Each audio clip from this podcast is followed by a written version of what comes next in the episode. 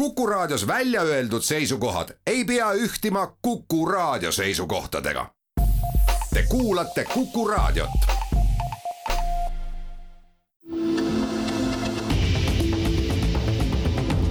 kahevahel. jutuindu ja puitpindu aitavad hooldada Osmo õlivahad. kahevahel. tere, igareedene vestlussaade Kahe vahel alustab ajakirjanikud Timo Tarve ja Ainar Ruussaar on stuudios ja stuudios meie vahel on Jüri Ratas, Riigikogu ja Keskerakonna esimees, tere. tere päevast, aitäh kutsumast, head Kuku raadio kuulajad hea Jüri, te näete väga hea välja ja füüsiline pingutus nende viimaste kuude jooksul on teile kindlasti väga palju head teinud. meil on vähe ootamatu avaküsimus teile. kui teil on nüüd võimalus paluda tantsule täna Kaja Kallas, kes muide on väga hea tantsija, siis millise tantsusaatel te seda teeksite? ma arvan, et ma kutsuksin siis teda tantsima, kui selline küsimus siin eetris kohe esimesena, et ta, see võiks olla aeglane valss või Viini valss see ja, on väga ilus valik. jah, sest et äh, natuke äh, mõõdukust ja rahunemist on tänase päeva poliitikas vaja küll. seda küll. Jüri, te olete lõppeval nädalal saanud jällegi etteheiteid Reformierakonnast ja võimalik, et tulevaselt tantsupartnerilt Kaja Kallaselt, et ei oska Riigikogu esimehe ametit pidada. Öelge, milles nüüd küsimus, kas viisaka töökoosoleku juhtimine on siis nii keeruline ülesanne? ma arvan, et peaminister ei saa oma tööga hakkama ja, ja nii, nii see ongi, et kui ta näeb nagu kõikides teistes inimestes, erakondades, institutsioonides probleeme, et see on probleem ja ja Riigikogu istung, me peame arvestama, et ongi selline, kus on sada üks poliitikut, on erinevad erakonnad ja ei saa olla nii, et Eestis on kõik Reformierakonna nägu, Reformierakonna värvi ja Reformierakonna mõttemaailmaga. ei ole see nii ja tänu jumalale, et see nii ei ole et eh, Eesti on demokraatlik riik, kus on erinevad erakonnad, erinevad erakonnad on valitud Riigikogusse Eesti inimeste poolt ja see, kui peaminister ei suuda küsimustele vastata, mida tema käest küsitakse, mm, eh, hämab ja keerutab, see on probleem. nii et eh, noh, sellest infotunnist, kui rääkida nüüd, ma arvan, see küsimus on sellest ajendatud, eks see infotund on muutunud väga pikalt juba selliseks, kus küsijad küsivad siis ütleme üks minut ja viiskümmend seitse sekundit, räägivad oma poliitilistel teemadel ja heal juhul kolme sekundi jooksul tuleb see küsimus ja loomulikult ka vastatakse täpselt nii, nagu soovitakse, et ühelt poolt see ongi ju poliitiline lava, kus tuleb arvestada nii peaministril ministritel ja seal ei ole minu meelest ka väga ilus lugeda raamatut, sest see ei ole lugupidav Riigikogu suhtes, aga Riigikogu liikmetel tuleb arvestada sellega, et see on alati kahekõne Eesti inimestega, et see ei ole kahe poliitiku vaheline kukepoks. aga mm, jah, nagu ma olen varasemalt ka öelnud, et EKRE ja Reformierakond on selle koalitsioonileppe sõlminud, et seda kukepoksi ja mudamaadlust teha nad eeldavad, et nad sellega konsolideerivad mõlemad oma valijaid ja läbi selle siis saavad parema valimistulemuse.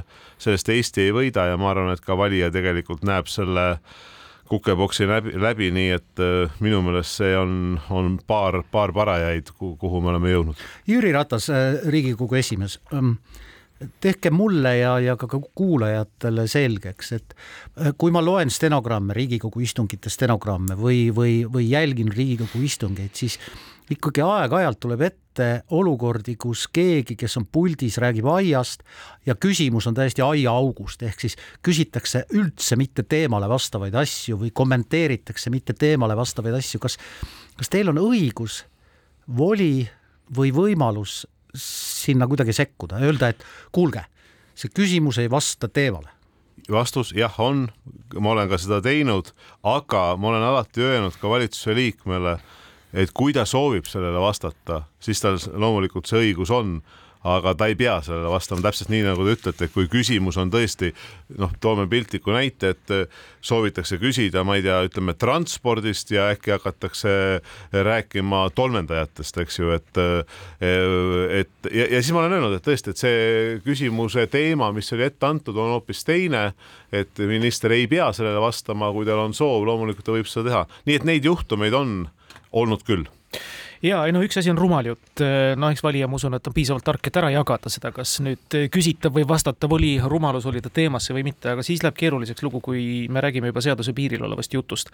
ja tulles nüüd korra selle Martin Helme jutu juurde, et no küsimus polegi mingis nupus, ma usun ka, et teil ei ole nuppu, teil on kelluke laua peal, ma olen näinud, et äh, riigikogu endine esimees Eiki Nestor andis teada, et võimalusi üle piiride minev kolleeg ju vaigistada on täiesti esimehel olemas.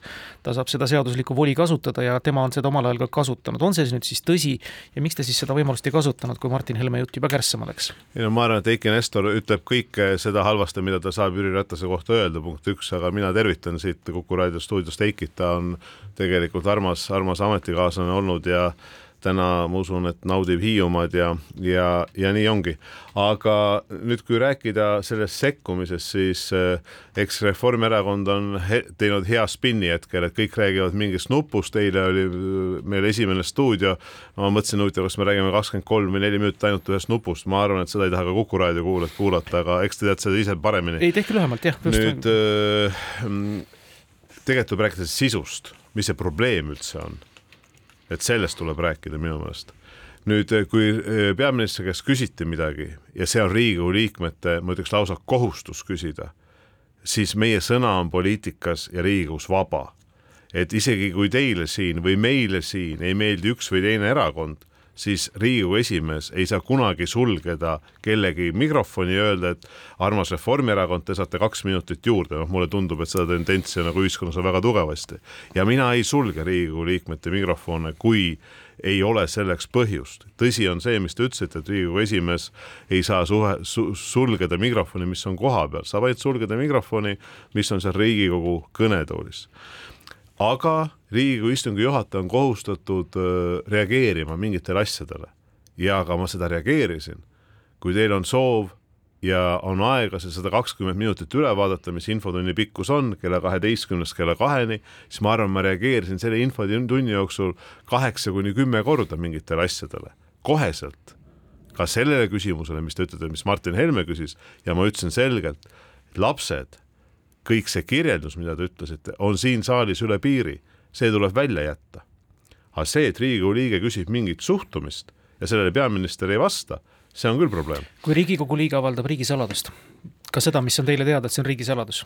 vaadake, see on nüüd väga hea küsimus, kõigepealt Riigikogu liige ei tohi riigisaladust avaldada no., see on seadusega äh, keelatud ja kui teie nüüd arvate, et kõik kolm Riigikogu juhatuse liiget automaatselt teavad sada protsenti, mis on riigisaladuslause või mis ei ole, siis ma arvan, et see on võimatu paluda, see on ebainimlik. Ma mäletan, et enne Madridi tippkohtumist, kui ütles peaminister Kaja Kallas, et vot sada seitsekümmend üheksa päeva me ei suuda vastu panna, aga siis saja kaheksakümnendal päeval me, meil on liitlasväed kohal. vot siis oli suur debatt, kas see on riigisaladus või, või ei ole, et ma isegi ei tea täpselt, kuidas see, kuidas seda, kuidas see on siis, kas, kas seda võis ta öelda välja või ta ei võinud välja öelda. aga selge on see, et, et riigisaladuse avaldamine, et selleks on ette nähtud ju paragrahvid, et riigisaladus peab Riigikogu liikmed kaitsma, ta on sellele andnud ka oma allkirja, et nad seda teevad.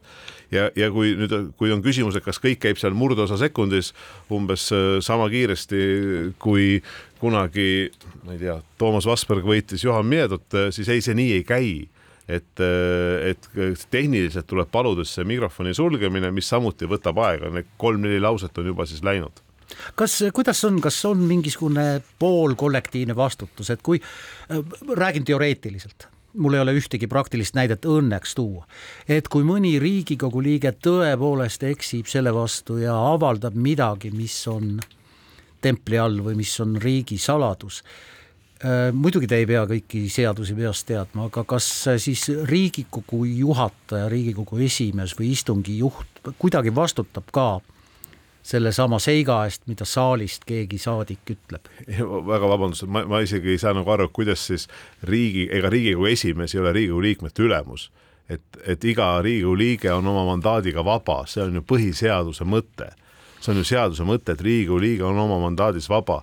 et ei saa nii, et te panete nüüd kõik sada üks liiget ühte, ühte, ühte vastutust kandma seaduse silmi, silme ees kui kunagi te mäletate, oli see majoneesi skandaal ja Jaan Kundla ja, ja tegelikult tuleb öelda seda, et ta soovis raha kokku hoida hoopiski, siis loomulikult ega kogu Riigikogule tuli see niinimetatud moraalne vastutus ja, ja aga see, mis te küsite, noh, selle eest ikka vastutab Riigikogu liige personaalselt, kui ta on kuskilt mingit seadust rikkunud üle läinud ma ausalt öeldes, mulle eriti ei meenu praegust, et keegi oleks hakanud äh, seda riigisaladust äh, ette lugema, et ma ei tea, kui te küsite seda, võib-olla te olete vaadanud varasematest aastatest. mis küll mulle meenub, et äh, on mõnikord olnud stenogrammides, kus tõesti on kustutatud väga konkreetseid nimesid, kui on mindud mingisuguste lahendite juurde, et aga ka need on väga harvad juhtumid ja sellist kustutamisõigust või kinnikatmisõigust ei ole ka Riigikogu esimehel, et seda saab põhimõtteliselt teha Riigikogu juhatus, kuidas, kui see vastav taotlus tuleb kuidas nüüd on, kas see kolmapäevane istung on saanud stenogrammides natukene nuditud? Minu teada ei ole, et sellega on suhelnud Riigikogu Kantselei juristid, õiguskantsleri büroo Riigikogu juhatusele küll hetkel mingit taotlust pole, pole tulnud, et, et mida sealt tuleks siis kustutada. Läheme siinkohal väikesele reklaamipausile. kahevahel. jutuindu ja puitpindu aitavad hooldada Osmo õlivahad. kahevahel saade Kahe vahel reedel, üheteistkümnendal novembril Ainar Ruussaar, Timo Tarve, meie vahel istub hea Riigikogu esimees ja Keskerakonna esimees Jüri Ratas. Jüri Ratas, kas äh, Keskerakonna väsimatud katsed nii võimul olles, opositsioonis olles äh, külvata raha, lihtsalt raha selme, et, teha põhimõtteliseid otsuseid majanduskeskkonna parandamiseks, kas see on ikkagi õige lähenemine? ma arvan, et äh, ma ei ole kõigepealt selle küsimuse asetusega absoluutselt nõus, et äh, kui me räägime rahakülvist, siis see rahakülv hakkas pihta peale seda, kui Reformierakond selle Keskerakonna valitsusest välja heitis ja vaadates täna kokku lepitut, kus on raha ja ma ütlen, et läinud õigetele asjadele paljuski, näiteks tulumaksuvaba miinimumi tõus, perede toetus, lastetoetus, hool, hoolekandesse, aga öö, see, seda tehakse niisuguse ühe, üks nägu naerab pool ja teine pool nägu nutab. Ja ei öelda tegelikult välja seda, et, et see, et see oleks jätkusuutlik, et see mitte ei ole ainult kaks tuhat kakskümmend kolm ilus niinimetatud jõulukingitus kuni valimisteni, vaid see oleks kestlik. selleks on vaja ju tulubaasi, selleks on vaja ju maksumuudatusi. Et me ei saa elada ainult sellel mõttel, et A, kas meil on kogu aeg kahekümne viie protsendiline inflatsioon, mis on minu meelest äh, hukatuslik inimestele, ettevõtlusele, kogu ühiskonnale või me kogu aeg elame tohutus defitsiidis, mis ainult rullub, rullub, rullub juurde. nüüd, kui teie kriitika oli Keskerakonna osas see, et see jagab raha ja ei mõtle ettevõtluskeskkonnale, ma olen täielikult teist meelt. Kui Keskerakond oli valitsuses, siis me mõtlesime ettevõtluskeskkonnale, võtame selle viimase energiakriisi, meie olime need, kes ütlesid, et teeme ka ettevõtetele toetuse läbi võrgutasude, nii elektris, nii gaasis meie olime need, kes ütlesid, et hakkame teid ehitama Eesti maapiirkondades ettevõtete juurde, et nad saaksid normaalsed transpordiõlad. kakskümmend aastat räägite sellest, et börsi on vaja aktiviseerida aga ei viidud valitsus, ei viidud ühtegi ettevõtet börsile, Tallinna Sadam on täna börsil, me olime siis valitsuses, me otsime siis peaministri ametit ja, ja ka majandus-taristuministri ametit. et ma tahan nagu seda öelda, et Keskerakond räägib tõesti inimeste toimetulekust, me räägime pensionitest, me räägime tervishoiust, aga me räägime ka ettevõtlusest. seesama elektri universaalteenus, kaks kuud on läinud aega, et nüüd tänane koalitsioon reform eesotsas, Isamaa ja sotsid paneksid sinna sisse ka kohalikud omavalitsused, mis puudutavad lasteaedasid, koole, hooldekodusid, haiglaid, aga ettevõtlus on seal jätkuvalt väljas ja ma arvan, et see on probleem. viiskümmend eurot ühekordset toetust laste kohta, mis laekus siis vanemate kontodele üleeile, ma kardan, et tänaseks on otsas paljudel inimestel ostukorvi hinda teate ju isegi, käite ka tihti poes. et see on, see on päris pöörane, ühesõnaga selle kõik ongi väga ühekordne ja see sellepärast lõhnabki nagu populismi järgi, et te ei suuda ju aastast aastasse nende ühekordsete toetustega kõiki Eesti peresid ja vaesuses kannatavaid peresid ära toita jah, et kõigepealt äh, võib ju vastu öelda, et äh, kas laekub null või viiskümmend eurot, et kumb on siis parem, et kas see, sellest tekib mingisugune märgatav abi. ei, ma arvan, et ei teki märgatav abi sellele leibkonnale, aga sellest tekib võib-olla oleneb, kuidas kellelegi, kas ühe, kahe, aga võib-olla kellelegi kolmekordne toidus käimine ja see toidukorv, kui me räägime eakast inimesest või üksi elavast äh, pensionärist või me räägime ka perest, kus on siis rohkem kui, kui ma ei tea, üks-kaks last, nüüd edasi me oleme andnud ka pikaajalise perspektiivi sisse järgmiseks neljaks aastaks, et Keskerakond on seisukohal täna, et kahekümne seitsmenda aasta, ütleme järgmise Riigikogu tsükli lõpuks peaks pensionid olema vähemalt, ma rõhutan sõna vähemalt tuhat eurot keskmine vanaduspension ja tänaste prognooside juures, kui me võtame ainult indekseerimise, me jõuame sinna kaheksasaja kuuekümne juurde. aga et see oleks tuhat, siis on vaja tõesti teha neid erakordseid samme, mis on erakorraline pensionitõus, viiskümmend eurot, viiskümmend eurot, viiskümmend eurot ja viiskümmend eurot. et jah, see ongi tegelikult erinev, erinev nägemus, kuidas me seda teeme.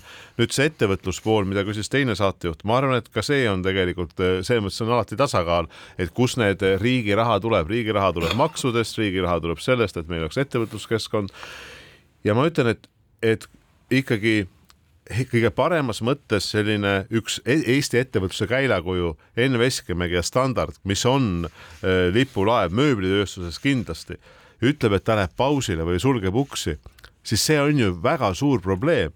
Ta julgeb seda välja öelda, aga kui paljud on täna, kes seda välja ei ütle ma arvan, väga paljud, noh, nüüd võib irooniliselt öelda, et käituski nii, nagu peaminister soovitas. kui ei sul jõua elektri või gaasi või muid arveid maksta, pange ettevõtted kinni. see ei ole lahendus, siia peale tuleb ju äh, inimeste koondamine, siia peale tuleb tööpuudus, siia peale tuleb see, et maksud ei laeku, tuleb hakata sotsiaaltoetusi maksma. nii et selles mõttes selles kriisis täna, nagu oli see Covidis, on ka täna vaja tugevasti ja kiirelt ettevõtteid toetada. Jüri Ratas, ega mm, ega me sellest maksumuudatusest ilmselt ei pääse, enne märtsi seda ei toimu, aga, aga paratamatult äh, koputab see meile uksele, sellepärast et üks tõdemus on väga lihtne, seda teate teie ja seda tean mina ja seda teab Timo ja kõik meie kuulajad. et kui riik tõstab pensioni või kui riik tõstab toetust, siis seda tagasi keerata, jah, on võimalik, aga see see on erakordselt keeruline, mis tähendab, et riigikassasse peab jõudma rohkem raha, mis tähendab, et see raha peab kusagilt tulema.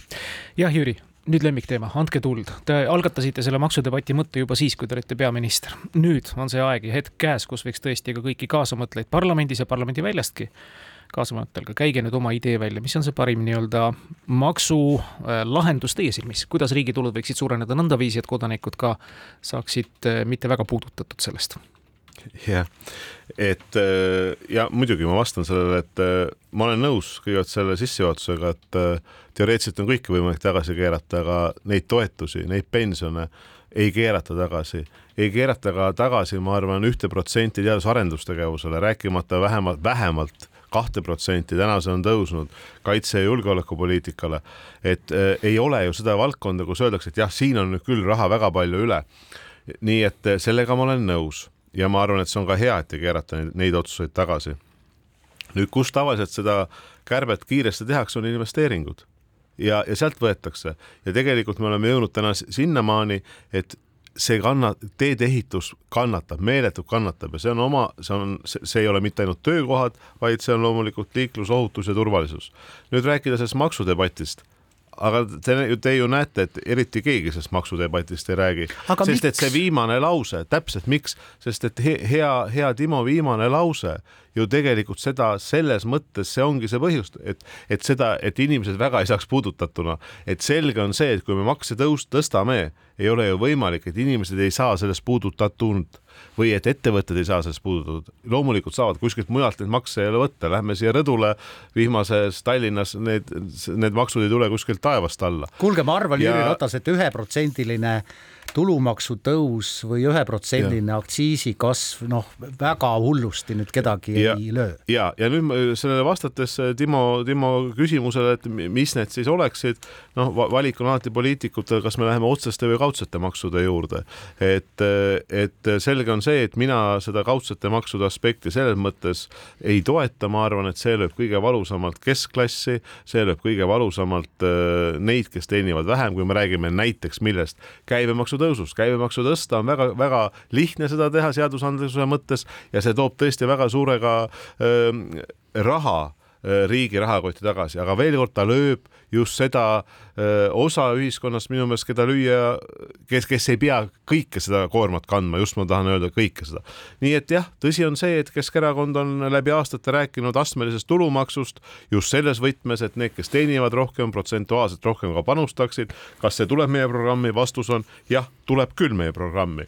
me oleme rääkinud ka sellest, et suured sellised finantsasutused, pangad, need täna on kõik praktiliselt võib öelda, et jah, et meil on tulnud ka Eesti pankasid ja selles mõttes tunnustus, aga on, on ka välispangad, et see kasum ei peaks liikuma ilma midagi siia jätmata Eestisse. see mõte oli kunagi ju see, et tehakse reinvesteeringuid, luuakse töökohtasid ja toona ta võis isegi töötada, kui see kasumimaks, maksu võtmine lõppes seal üheksakümmend üheksa, kaks tuhat. et ma arvan, et see on nagu teine teema. kolmas teema on see, mida me peaksime maksude osas mõtlema ja mida räägitakse, et igasugused luksuskaubad suured võimsad masinad, kui need ostetakse, et kas see ei ole koht, kus tegelikult inimene siis panustab ka veel rohkem, mis selge on see, et see võimas masin seda keskkonda saastab rohkem. Need on mõned näited. nüüd ma tulen ühe maksuteema juurde veel. pikaajaline hooldus. selle üks põhiprobleem on hooldekodude kõrge hind ja riik andis sinna raha juurde, tänane valitsus, nii et ma ütlen, et see oli õige samm ja selles mõttes kiitus. aga nüüd minu kriitika on, kas ta on jätkusuutlik, kas me igal aastal suudame hakata kinni maksma seda hinnatõusu, sest me teame, et hooldekodud vähemalt viiekümne protsendi ulatuses on erasektori käes ja see on nüüd küsimus, kas Eestis võiks olla ka hoolduskindlustusmaks, mida ma selle all mõtlen, et tekibki see fond nii nagu meil on täna näiteks sotsiaalmaks, kus läheb osa pensioniks ja osa läheb tervishoidu või, või haigekassasse. Ja kas me seda vajame või ei vaja, aga me saame kindlad olla, et see arstiabi on alati kättesaadav. Ja samamoodi me saame siis kindlad olla, et see pikaajaline hooldus, on see koduhooldus, on see hooldekodu või mingi muu pikaajalise hoolduse vorm on kättesaadav. Ja ma arvan, et seda debatti tulebki järgmise nelja kuu jooksul pidada ja Keskerakond on seda valmis pidama. jah, seda enam, et Eesti on vananev riik ja, ja Kuku raadio lubab, et ta võtab kindlasti maksudebati nii-öelda oma hoole alla ja ühetaolise vähemalt siin valimisperioodi jooksul ka püsti paneb. me läheme siinkohal väikesele reklaamipausile. kahevahel. jutuindu ja puitpindu aitavad hooldada Osmo õlivahad. kahevahel ja saade Kahe vahel jätkab, Ainar Ruussaar, Timo Tarve on stuudios ja meie vahel on Jüri Ratas, Riigikogu ja Keskerakonna esimees hea Jüri, viimased kuud on olnud meil sellised, et ega paneelmajade rajoonis paneelmajades elajad ei ole rahulikke öid saanud. teate põhjustel, et elekter on öösiti hästi odav ja tavaliselt pannakse selleks ajaks pesumasinad käima. paneelmajades kostab see jube hästi läbi, müristavad. ja ma teen siis ka reklaami muide ööl vastu homset kella kaheteistkümnest kuni kella üheni maksab elekter null koma null üks senti kilovatt-tund, nii et pange aegrelleed paika. räägime energiast ja energiakriisist. nüüd alles on siis üle kümne aasta kerkimas meil esimesed tuulepargid maale ja ja energiapöördest justkui oleks nagu asi sisse saamas. Jüri, te olite valitsusjuht novembrist kaks tuhat kuusteist, kas te panete käe südamele, ütlete, et te juba ärgitasite takka, et kaotada need piirangud igasugustel detailplaneeringutel ja kogu selle bürokraatial, mis roheenergiale rohkem kaasa aidanuks? või et miks need otsused alles nüüd tulevad aastal kaks tuhat kakskümmend kaks lõpus? Ja kõigepealt ma ütlen sissejuhatuseks sellele küsimusele, et äh, ma arvan, väga paljud Eesti pered on lähtunud sellest, et äh, pesevad pesu või teevad mingeid suuremaid elektri tarbimise toiminguid äh, hilistel tundidel, et nagu me teame, paljud paketid on, kus on öine elekter ja laupäeva-pühapäeva või niinimetatud punaste päevade elekter odavam vähemalt me oleme ka oma kodus püüdnud nii palju kui võimalik sellest lähtuda. et ma arvan, see ei ole mingisugune uus, uus käik inimestel. aga jaa, nendel aastatel sai päris palju olulisi otsuseid tehtud, üks piirang, mis oli tuuleparkidele, on olnud ju kaitseline või julgeolekuline ja see tähendab seda, et, et või, et anda võimalus suuremaks maa-alaks ja tuuleparkidele ja anda ka võimalus kõrgematele tuuleparkidele, oli vaja, et riik teeb otsuse teatud radarite ostmisel. Ja valitsus, kuhu mina kuulusin, need otsused langetas. Need radarid, kui mu mälu mind ei peta, need maksavad seal nelikümmend, viiskümmend, kuuskümmend miljonit, need on kallid seadmed, aga need tõesti annavad võimaluse tuuleparke äh, rajada. nüüd edasi on meretuulepargid, mis samuti on seisnud Eestis. Ja see oli siis Jaak Aab, kes seda teemat vedas, et tekiks vastav detailplaneering üldse, et me näeksime ette need alad, kuhu saab ka neid teha. Nüüd kolmas asi oli väga suur vaidlus, ma usun, et ka teie mäletate, see niinimetatud Tootsi tuulepark oli seal riigi ettevõte või ettevõtted, seal oli suured vaidlused peal ja ka see sai lahendatud nüüd äh, erasektor on samuti teinud äh, päris märkimisväärset arengut siin nende tuuleparkide loomisel. kas see on hea? ma arvan, see on väga hea, et meil tekivad alternatiivseid äh, energiaallikaid ja meil tekib selline niinimetatud energiaportfelli palju suurem miks. samas ma arvan, et oli oluline ka see, mis siis üle-eelmine valitsus otsustas, et põlevkivi jääb jääb pikemaks, et me ei tee seda põlevkivi sulgemist põhimõtteliselt täna õhtuks, et meil on juhitava energiaallikas olemas elektri näol, milleks on Eesti, ma ütleks, väga oluline maavara, põlevkivi ja me näeme ka seda viimases energiakriisis, kui tähtis see on olnud Eestile, et see tuhat mega, mis äh, minu juhitud valitsus selle otsuse tegi, et garanteerida siis äh, nende plokkide olemasolu, olu, need, neid oleks võinud nii olla, et täna neid ei ole nüüd edasi siit mõeldes ma arvan, et tegelikult need kõik järgmised suured sammud on ikkagi seotud erasektoriga, olgu see tuumaenergia, olgu see tegelikult seesama, see niinimetatud Paldiskisse on mõeldud ju see hüdroenergia või noh, mõned ütlevad lihtsalt, et järve tegemine noh, maa, maa sisse et eh, need on kõik nagu ma arvan, vajalikud asjad, mida riik peaks koostöös erasektoriga ette võtma. ja see näide, mis oli tegelikult LNG näide, kus riik andis selle jälle käest ära, teistkordselt Reformierakond annab selle Soomele, ma arvan, see on väga halb näide. Et eh, nii, et need on mõningad minu, minu, minu mõtted, kui me räägime energeetikast. kas mitte Taavi Aas, kes oli mm, ka teie äh, erakonna majandusminister ei olnud ka selle LNG protsessiga ikkagi seotud, et sellega, et see laev ikkagi võib minna Soome kai äärde ja nii edasi? Taavi Aas oli muidugi sellega seotud, selle protsessiga ja tema ajal tehti ka see kahe riigi vaheline kokkulepe, mille põhipunkt oli ju see, et laev tuleb sinna, kelle kai saab varem valmis. ja seda on ka peaminister öelnud mitu korda Riigikogus alles hiljuti, et Eestis sai või saab kai varem valmis. ainult see kai ei näe laeva. ja Taavi Aas ei ole selles süüdi, et see kai ei näe seda laeva? nagu ma ütlesin, tema töötas selle nimel, et, et see laev siia Eestisse tuleks ja see laev siia Eestisse ei tule. ja ma arvan, et see on tegelikult probleem kui äh, me mõtleme korraks äh, mitte pluss kümnele kraadile õues, aga miinus kümnele kraadile, kui temperatuur langeb ja mõtleme kõigile nendele ohtudele, mis võib tabada seda lähiregiooni, kui on siin miinus kümme kraadi. ühel hetkel seesama Nord Stream lendas õhku, aga teisel hetkel võib-olla on mingisugused lingid, mis ühel hetkel ei tööta, näiteks nagu Estlink üks või Estlink kaks või Balticconnector, siis meil võib olla see kai küll seal teisel pool kallast, aga kui Balticconnectorit mingil põhjusel on seal rike või ei ole, siis see gaas siia ei tule. nii et midagi ei ole teha, aga sellistes noh, üliturbulentsetes olukordades, mis täna Euroopas on, kus on Vene agressioon, kus on sõda Ukrainas, me vajame oma jaoks väga suurt kindlust ühelt poolt seda annab põlevkivi, aga teiselt poolt kindlasti see miks peaks olema suurem ja ma loodan väga, et on üks hetk see päev, kui Eestis on olemas ka tõesti LNG terminal ja mitte siis enam ujuv kai näol, vaid maapealne võimekus.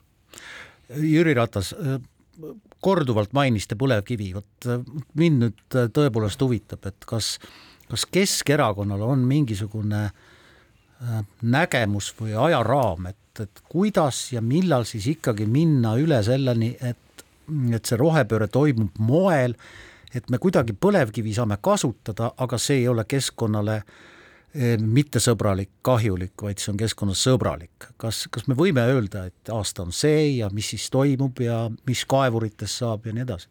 Aga seda on enam-vähem ju öeldud, et, et seda põlevkivi kindlasti siin kümne, viieteist, kahekümne aasta jooksul saab kasutada. kus see üleminek on? üleminek on loomulikult keemiatööstusele, et põlevkivist teha teisi produkte.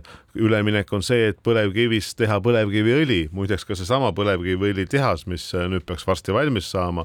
et me näeme, kui likviidne kaup see tegelikult maailmaturul on. sealt edasi minnes ma ütlen ausalt, et seda on öelnud nüüd ju teadlased välja, et ma väga toetan nende teadlaste mõtet aga võib-olla ühel hetkel on nii, et me suudame kogu selle CO2 kinni püüda sealt.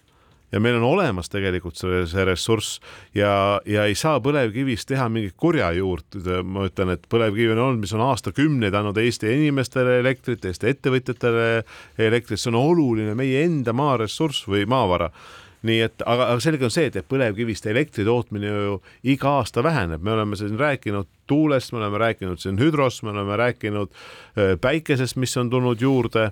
nii et äh, see on kõik positiivne, meiega ühendused teistega on positiivne. ma olen ise töötanud selle nimel, et Eestit sünkroniseerida Euroopa keskalaga ja, ja siin ka ju tööd käivad, see sünkroniseerimine peaks jõudma heal juhul lõpule kahekümne viiendaks aastaks. ma olen ise andnud koos Leedu, Läti, Poola ja Euroopa Komisjoni inimestega allkirja sellise ühisele, ühisele sammule, ühisele mõttele. nii et meil seda miks'i tuleb kogu aeg juurde, aga minu sõnum on see, et ei ole nii, et nüüd paneme selle põlevkivi kinni ja kõik seesama, see, mis te küsite, kaevurite teema, muidugi see on oluline teema, see on tuhanded inimesed, tuhanded leibkonnad et, et sõnumit öelda, et me nüüd selle ära lõpetame, minu meelest on täielikult vale et me saame siit õli toota, siis me saame minna keemiatööstusse juurde, äh, keemiatööstuse poole, aga meil peab see võimekus olemas olema kas riigiettevõtted tuleks erastada, kas peaks uuesti seda protsessi alustama?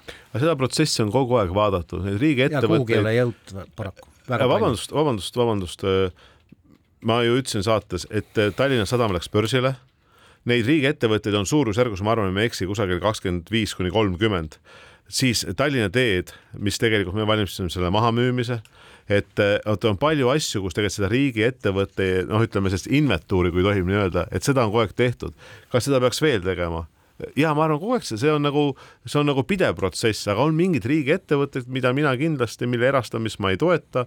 noh, see on väga selgelt seotud meie, ütleme võrkudega, ma arvan, et seda ei tohi erastada, see on strateegiline huvi Eestile nii et, äh, nii et on mingeid asju, kus erakonnad näevad neid asju erinevalt, aga noh, või, või näiteks, näiteks ka Operail, äh, seal oli vaja teatud osas, et nad suudaksid minna ka turule, kaasata lisainvesteeringuid.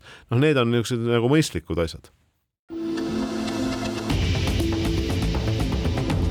kahevahel. jutuindu ja puitpindu aitavad hooldada Osmo õlivahad. kahevahel Timo Tarve ja Ainar Ruussaar jätkamas saadet Kahe vahel, tegemist on vestlussaatega ja meie vahel Kuku raadio otsestuudios on Riigikogu ja Keskerakonna esimees Jüri Ratas.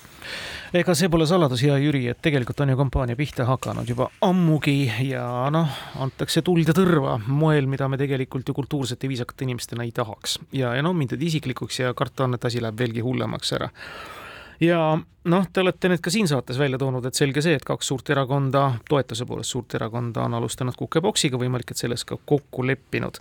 aga ütlesite ka, et valijad on piisavalt targad, et ei võida ei Reformierakond ega EKRE tulevasi Riigikogu valimisi, kes siis võidab, Keskerakond? jah mm, -hmm. ma toetun äh, kõigepealt sellele, mis aasta aega tagasi oli, olid kohalikud valimised, mille Keskerakond üle Eesti võitis ma toetun sellele, mis tööd täna me teeme oma platvormiga. teiseks, kuidas me seda inimestele tutvustame, üle saja telgiürituse viimase pooleteist kuu jooksul.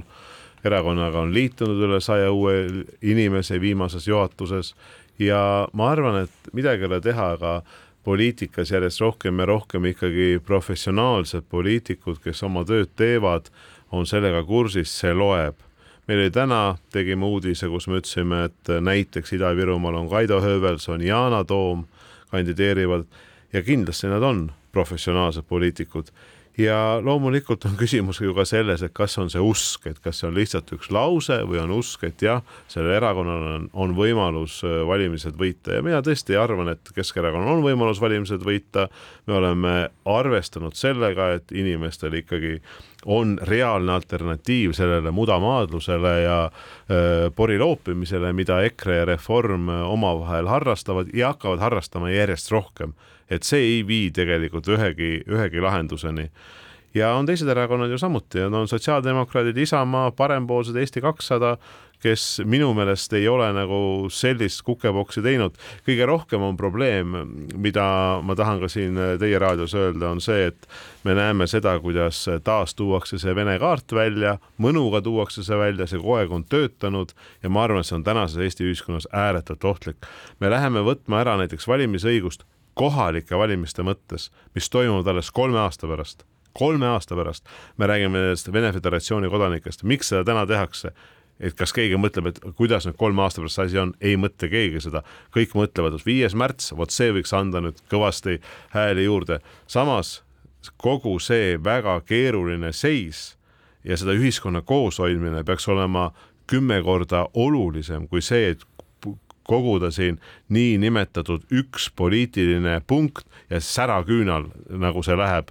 Ja, ja ma arvan, et see on äh, tõesti väga ohtlik tendents. Jüri Ratas, no üks asi on selge, need inimesed, kes on Vene kodanikud, elavad alaliselt Eestis, käivad siin tööl.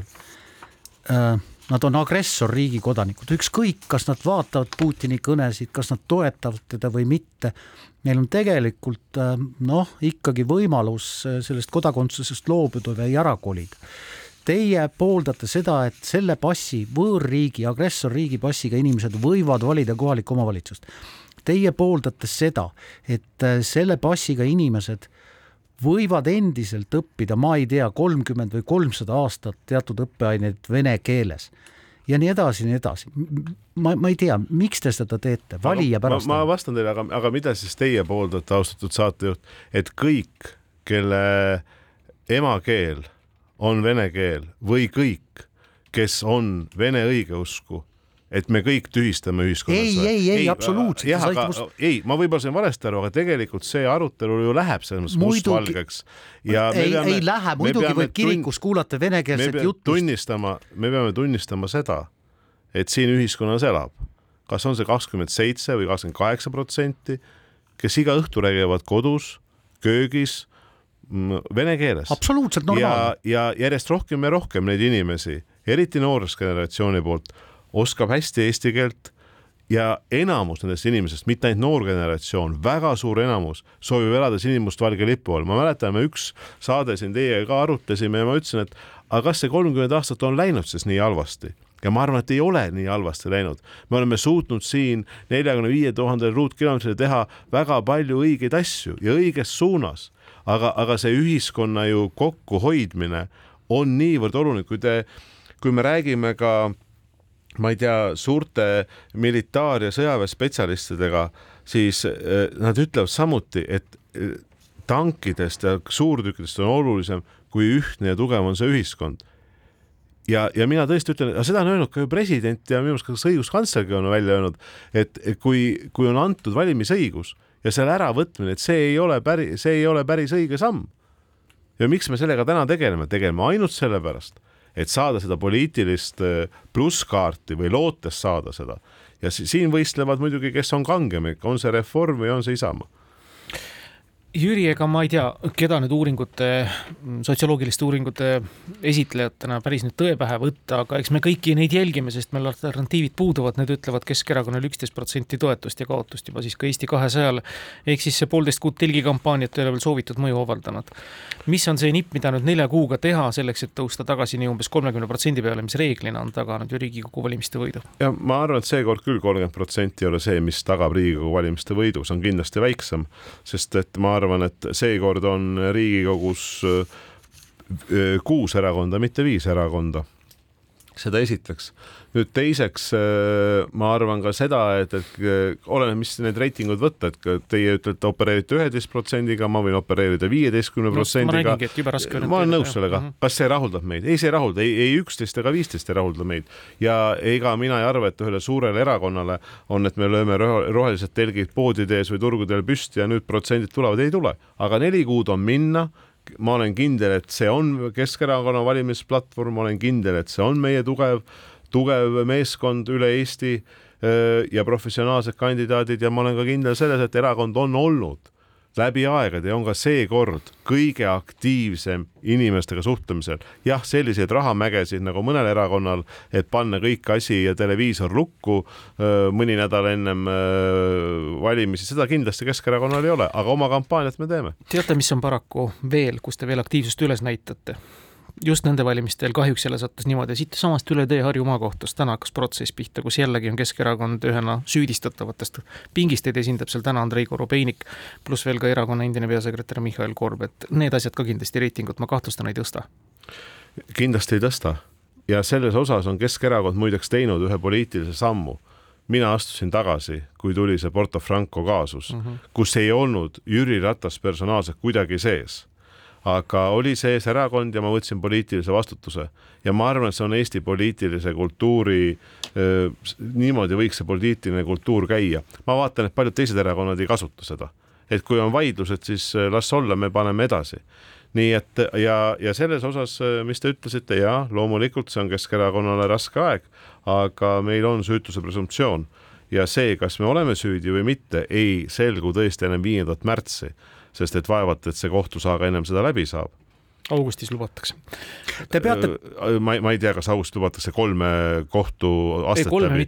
nii et vähemalt. ma arvan, et me lähtume Eesti õigusriigis sellest, mida, mida kohus otsustab ja mina võin sellest teemast rääkida. minu veendumus on see, et Keskerakond ei ole siin valesti mänginud, on reeglite põhjal käitunud ja see, kas see nii on või see nii ei ole seda ei otsusta Kuku raadio, vaid seda otsustab Eesti kohus. Kuku raadio ei pretendeeri ka sellele. Te peate teoreetiliselt teoreetiliselt võimalikuks, Jüri Ratas, et viienda märtsi hilisõhtul helistate te Kaja Kallasele ja ütlete, et meie võitsime valimised, kas te tulete valimist äh,, valitsusse ja siis ma tahaks Kaja Kallase nägu küll näha pärast teie viimaste päevade sõnavõttu tema aadressil. noh, viimaste päevade sõnavõtt, et ei, kas see teoreetiliselt Need sõnavõtud nagu minu suunas ainult noh, kogu aeg käivadki, aga, aga hea küll, las, las olla. et mis ma tahan öelda, et Eesti poliitikud omavahel suhtlevad. Et kui küsida, et kas nüüd Keskerakond paneb eh, kellelegi nagu ploki ette, ütleb, me ei tee koostööd, kes on valitud Riigikogusse kõigi nende Kuku raadio kuulajate poolt ja veel rohkemate inimeste poolt, ei seda Keskerakond kindlasti ei harrasta. et kui kõrgem võim on öelnud, et see erakond võib olla Riigikogus, siis tuleb proovida koostööd teha. see, kas mina olen võimeline helistama erakonna esimeestele, on need Isamaa, sotsiaaldemokraadid, Eesti kakssada, Reform või EKRE, muidugi olen. Jüri, hea võimalus on, ma sain teada, et äh, Narvas mm, vene lastele eesti keelt õpetav, aga juba pensionieas väga aktiivne proua Ljubov on praegu ostlemas Astri keskuses, kus Kuku raadio mängib hästi kõva häälega. mis te talle ütlete? no ma tervitan kindlasti Ljubjovi ja, ja tahan öelda Kuku raadiole müts maha, et me üks saade korraks arutasime sellel teemal ja siis teie ütlesite, et et Kuku raadio on Ida-Virumaal, nii et kõik inimesed, kes täna on Narvas, kes on hetkel Astri keskuses, kuulake Kuku raadiot, hea raadio, aga, aga see on väga oluline tegelikult, et me jõuame ka erameedia kaudu Ida-Virumaale ja Eesti suuruselt kolmandasse rinne. Ljubov küsib, mis võiks olla tema õiglane palk no õiglane palk on, ma arvan, Eestis täna äh, selline palk, kus inimene saab läbi oma ostukorvi, läbi oma kommunaalkulude igakuiselt hakkama, et tegelikult ta ei ela igakuiselt võlgu. nii et ma ei oska ju öelda, mis on inimeste kulud, et kui inimesel on oma lähedane hooldekodus ja ta peab igakuiselt maksma tuhat viissada eurot automaatselt ära et äh, siis isegi Eesti keskmisest palgast ei jätku. jah, mitte ainult võlgu elama, vaid äh, me tahaksime, et Eestis ei oleks ühtegi inimest, kes peab mitu kuud järjest sööma ühel õhtul riisi soolaga ja teisel õhtul riisi suhkruga. aitäh, Jüri Ratas, et tulite täna saatesse. suur tänu. kahevahel. jutuindu ja puitpindu aitavad hooldada Osmo õlivahad. kahevahel